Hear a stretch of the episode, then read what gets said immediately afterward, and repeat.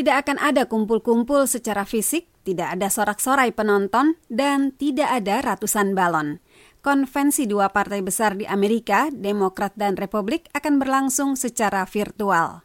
Konvensi Nasional Partai Demokrat, Democratic National Convention, DNC, dimulai Senin malam waktu Amerika. Acara akan berisi deretan pidato yang separuhnya telah direkam sebelumnya selama dua jam setiap malam. Puncak acara DNC adalah pidato Joe Biden yang secara resmi akan menerima nominasi presiden dari Partai Demokrat. Acara itu dijadwalkan berlangsung hari Kamis dari satu ruang besar di Delaware yang umumnya kosong. Demokrat juga membuat sejarah karena menunjuk calon wakil presiden kulit hitam dan keturunan India pertama, Kamala Harris.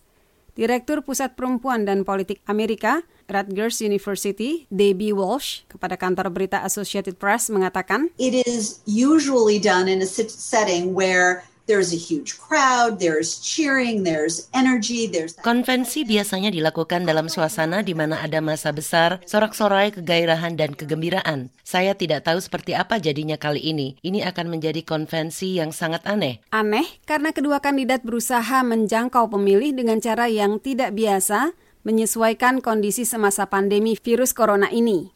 Biden berfokus pada acara-acara virtual dari rumahnya di Delaware, misalnya hadir pada konvensi National Teachers Federation. Sedangkan Presiden Trump yang terpaksa membatasi kampanye beralih ke televisi untuk menyampaikan pengarahan dari Gedung Putih. Pakar strategi Partai Demokrat Mo Elity mengatakan, model kampanye telah bergeser menjadi lebih akrab bagi pemilih. We don't go to the campaigns anymore. We don't go to rallies.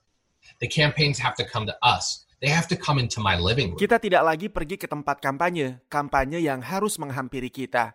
Mereka harus datang ke ruang tamu saya.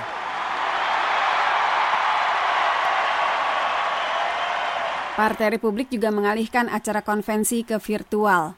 Lebih dari 300 delegasi diperkirakan tetap datang ke Charlotte, kota yang secara resmi menjadi tuan rumah konvensi nasional Partai Republik, tanggal 24 Agustus.